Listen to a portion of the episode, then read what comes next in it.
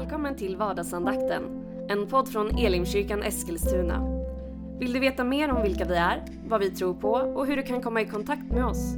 Gå då in på www.elimkyrkan.com. Nu lyssnar vi till dagens andakt.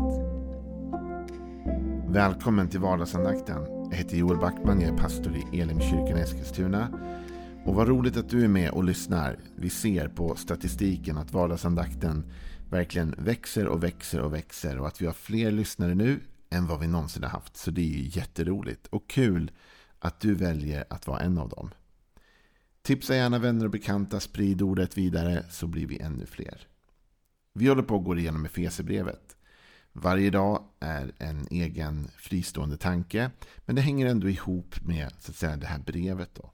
Och varför vi har just valt att gå igenom Efesierbrevet är för att i år så är det Ekumeniakyrkans temabok kan man säga. Som man jobbar extra med. Då. Vi har kommit fram till den sjunde versen i det första kapitlet. Och Det här är en fantastisk vers. Det här är själva evangeliets kärna. Det här är vad det egentligen handlar om. Och Vi läser vers 7 och vi kommer också läsa vers 8. För att de liksom sitter ihop, men vi håller oss främst till vers 7.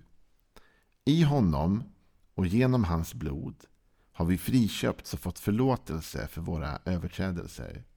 Så rik är den nåd med vilken Gud har låtit all vishet och klokhet flöda över oss.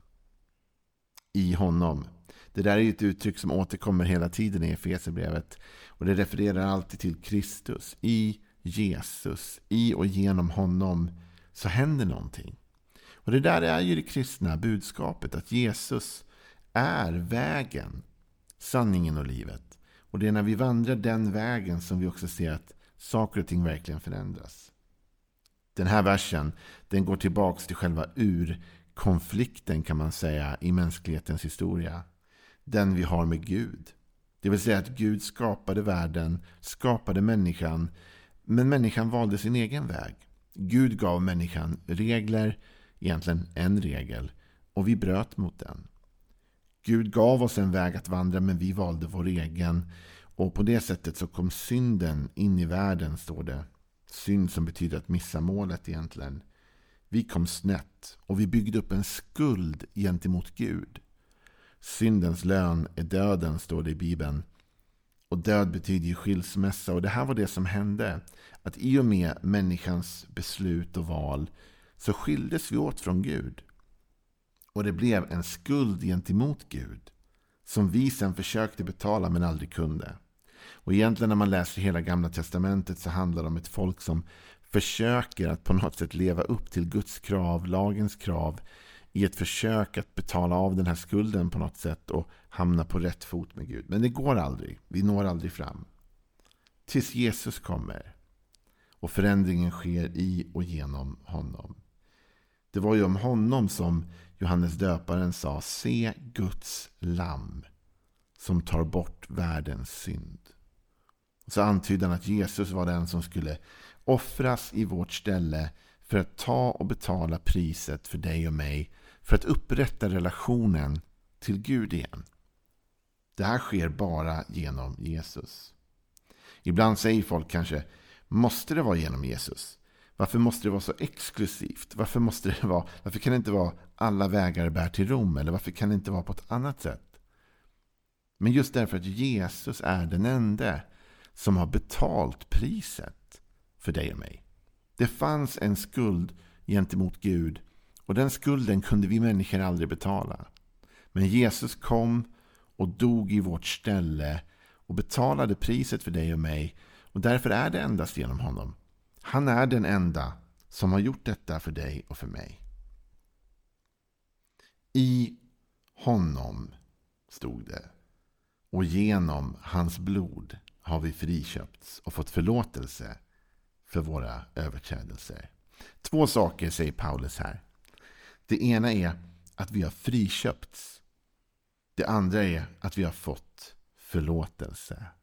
Och Paulus talar också om hur det har gått till, vad medlet var? Jo, medlet var genom hans blod. Friköpts. Som jag sa, vi stod i skuld till Gud. En känd svensk politiker har någon gång sagt den som är, den som är satt i skuld är icke fri.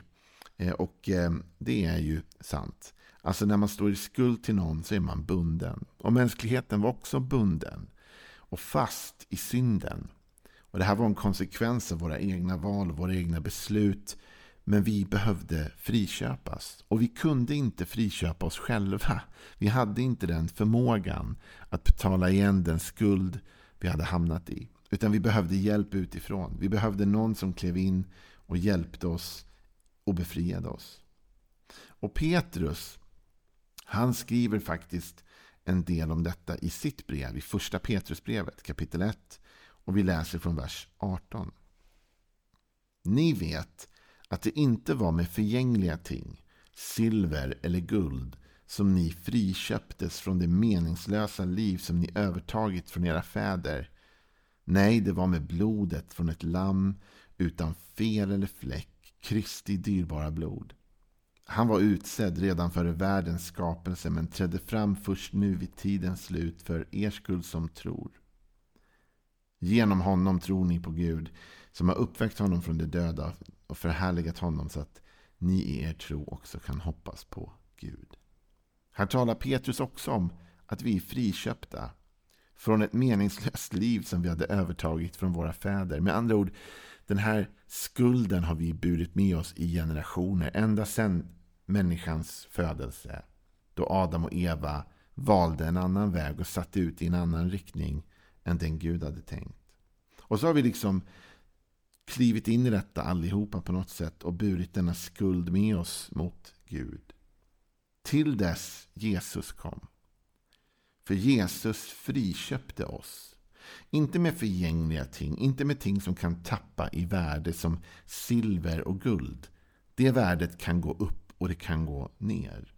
Nej, utan vi friköptes med blodet från ett lamm utan fel eller fläck. Kristi dyrbara blod. I honom som Paulus skrev och genom hans blod. Kristus har friköpt oss. Det vi inte klarade av, det gjorde han. Och till dig som lyssnar idag och som kanske känner så här, jag kan aldrig vända mitt liv. Jag kan aldrig betala igen det dumma jag har gjort eller jag kan aldrig reda ut det jag har åsakat andra människor eller Gud själv. Jag kan aldrig få ro i mitt sinne eller komma liksom in i detta. Min skuld, min synd är för stor. Min brustenhet är för uppenbar. Till dig vill jag säga, det är sant. Du kan inte det. Men du har blivit friköpt. Det är inte ens du som har friköpt dig själv. Det är inte du som har lyckats bryta dig loss eller som har vänt ditt liv på ett sätt. Utan Kristus har dött i ditt ställe. Han har betalt det pris som du och jag aldrig någonsin kunde betala. Och därför är vi fria. I honom är vi fria. Men vi behöver honom för denna frihet. Utan Jesus är vi fast i synden. Utan Jesus är vi fast i bundenhet av alla möjliga slag. Och utan Jesus har vi inte den frihet som Gud vill att vi ska ha. Utan vi lever med en skuld gentemot Gud. En skuld också ofta gentemot vårt eget samvete och mot andra människor. Men när Jesus kom så var han beredd att bli det lamm som dog i vårt ställe. Som offrade sig för dig och för mig. Det finns en ganska lång utläggning om det i Hebreerbrevet. Där det talas om Jesus som en överstepräst. Och översteprästen i det gamla förbundet var den som bar fram offer för människornas skuld gentemot Gud. Varje år fick han göra det för vi föll ständigt in i skuld till Gud. Vi lyckades betala av lite, det som att ha ett kreditkort då. Betala av minimiavbetalningen och sen föll vi in djupare i skulden igen och så var vi tvungna att försöka beta av igen. Vi kom aldrig i kapp och vi kunde aldrig hålla jämna steg. Men det fanns en överste präst som ändå försökte offra då för människan varje år inför Gud. Men Kristus kom och gjorde slut på det genom att han själv offrade sig själv då en gång för evigt. Och då står det så här i Hebreerbrevet 9 och vers 11. Men nu har Kristus trätt fram som en överste präst för det goda som ska komma. Han har gått igenom det större och fullkomligare tält som inte är gjort av människohand, det vill säga inte tillhör denna världen. Och med sitt eget blod, inte med blod av bockar och kalvar, har han en gång för alla trätt in i helgedomen och vunnit befrielse åt oss för evigt. Om nu blod av bockar och tjurar och stänk av askan från en kviga helgar de orena så att de blir rena i yttre mening, hur mycket mer måste då inte blodet från Kristus, som i kraft av evig ande har framburit sig själv som ett felfritt offer åt Gud, rena våra samveten från döda gärningar så att vi kan tjäna den levande guden. Därför är det ett nytt förbund, förbund som Kristus förmedlar. Och så vidare. Du och jag har blivit befriade av Kristus. En gång för alla. Han behöver inte hela tiden betala priset för våra brister och fel. Han har gjort det en gång. Och han betalade det så ordentligt att notan är för evigt avbetald. Skulden är utplånad. Vi är friköpta. Du är friköpt. I honom. Men du behöver honom för detta. Du kan inte ta dig till denna friköpelse, om man ska säga så, utan honom. Utan du är i behov av honom. Han är den som har betalt priset. Han är den som kan låta dig uppleva denna befrielse. Men det här är fantastiskt som står i Hebreerbrevet. För det talar inte bara om den yttre fångenskapen talar inte bara om den skuld vi hade gentemot Gud. Gentemot liksom eh, eh, våra, om vår omvärld och det vi bar på i den meningen. Jo, det är vi befriade från. Men här talas det om något mer. Här talas det faktiskt också om att Kristus då, som har framburit sig själv som ett felfritt offer åt Gud renar våra samveten från döda gärningar. Förlåtelse. Vi har inte bara blivit friköpta. I Kristus har vi också blivit förlåtna. Och Det stod ju om det i det vi läste i början i Fesebrevet.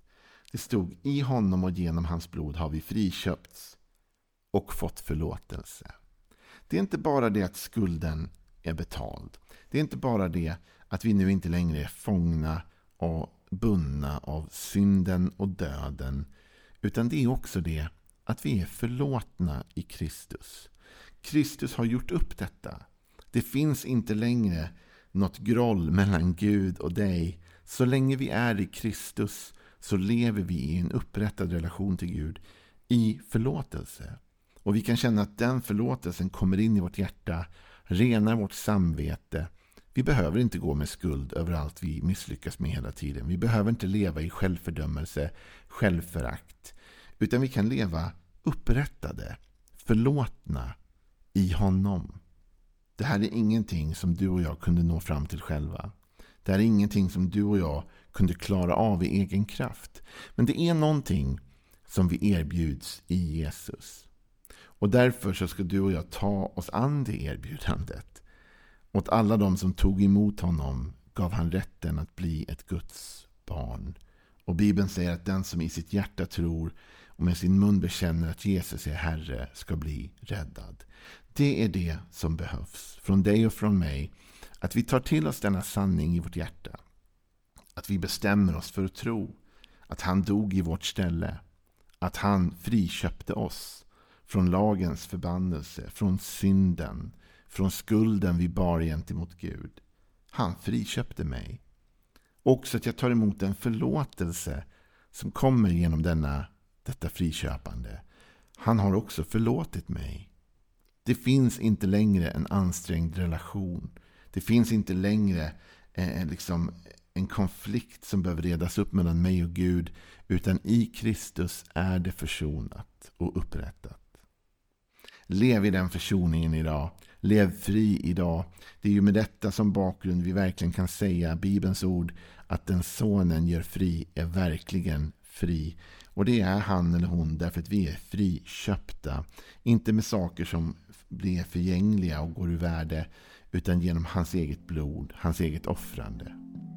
Låt de tankarna skapa glädje i dig idag så är vi tillbaka med en ny vardagsandakt imorgon igen och fortsätter att gräva oss ner i vad Efesierbrevet har för budskap till oss. Ha en välsignad dag. Hej då. Du har nu lyssnat till vardagsandakten från Elimkyrkan Eskilstuna. Du har väl inte missat att vi finns på sociala medier? Eller att vi varje söndag firar gudstjänst? Hoppas att vi ses där.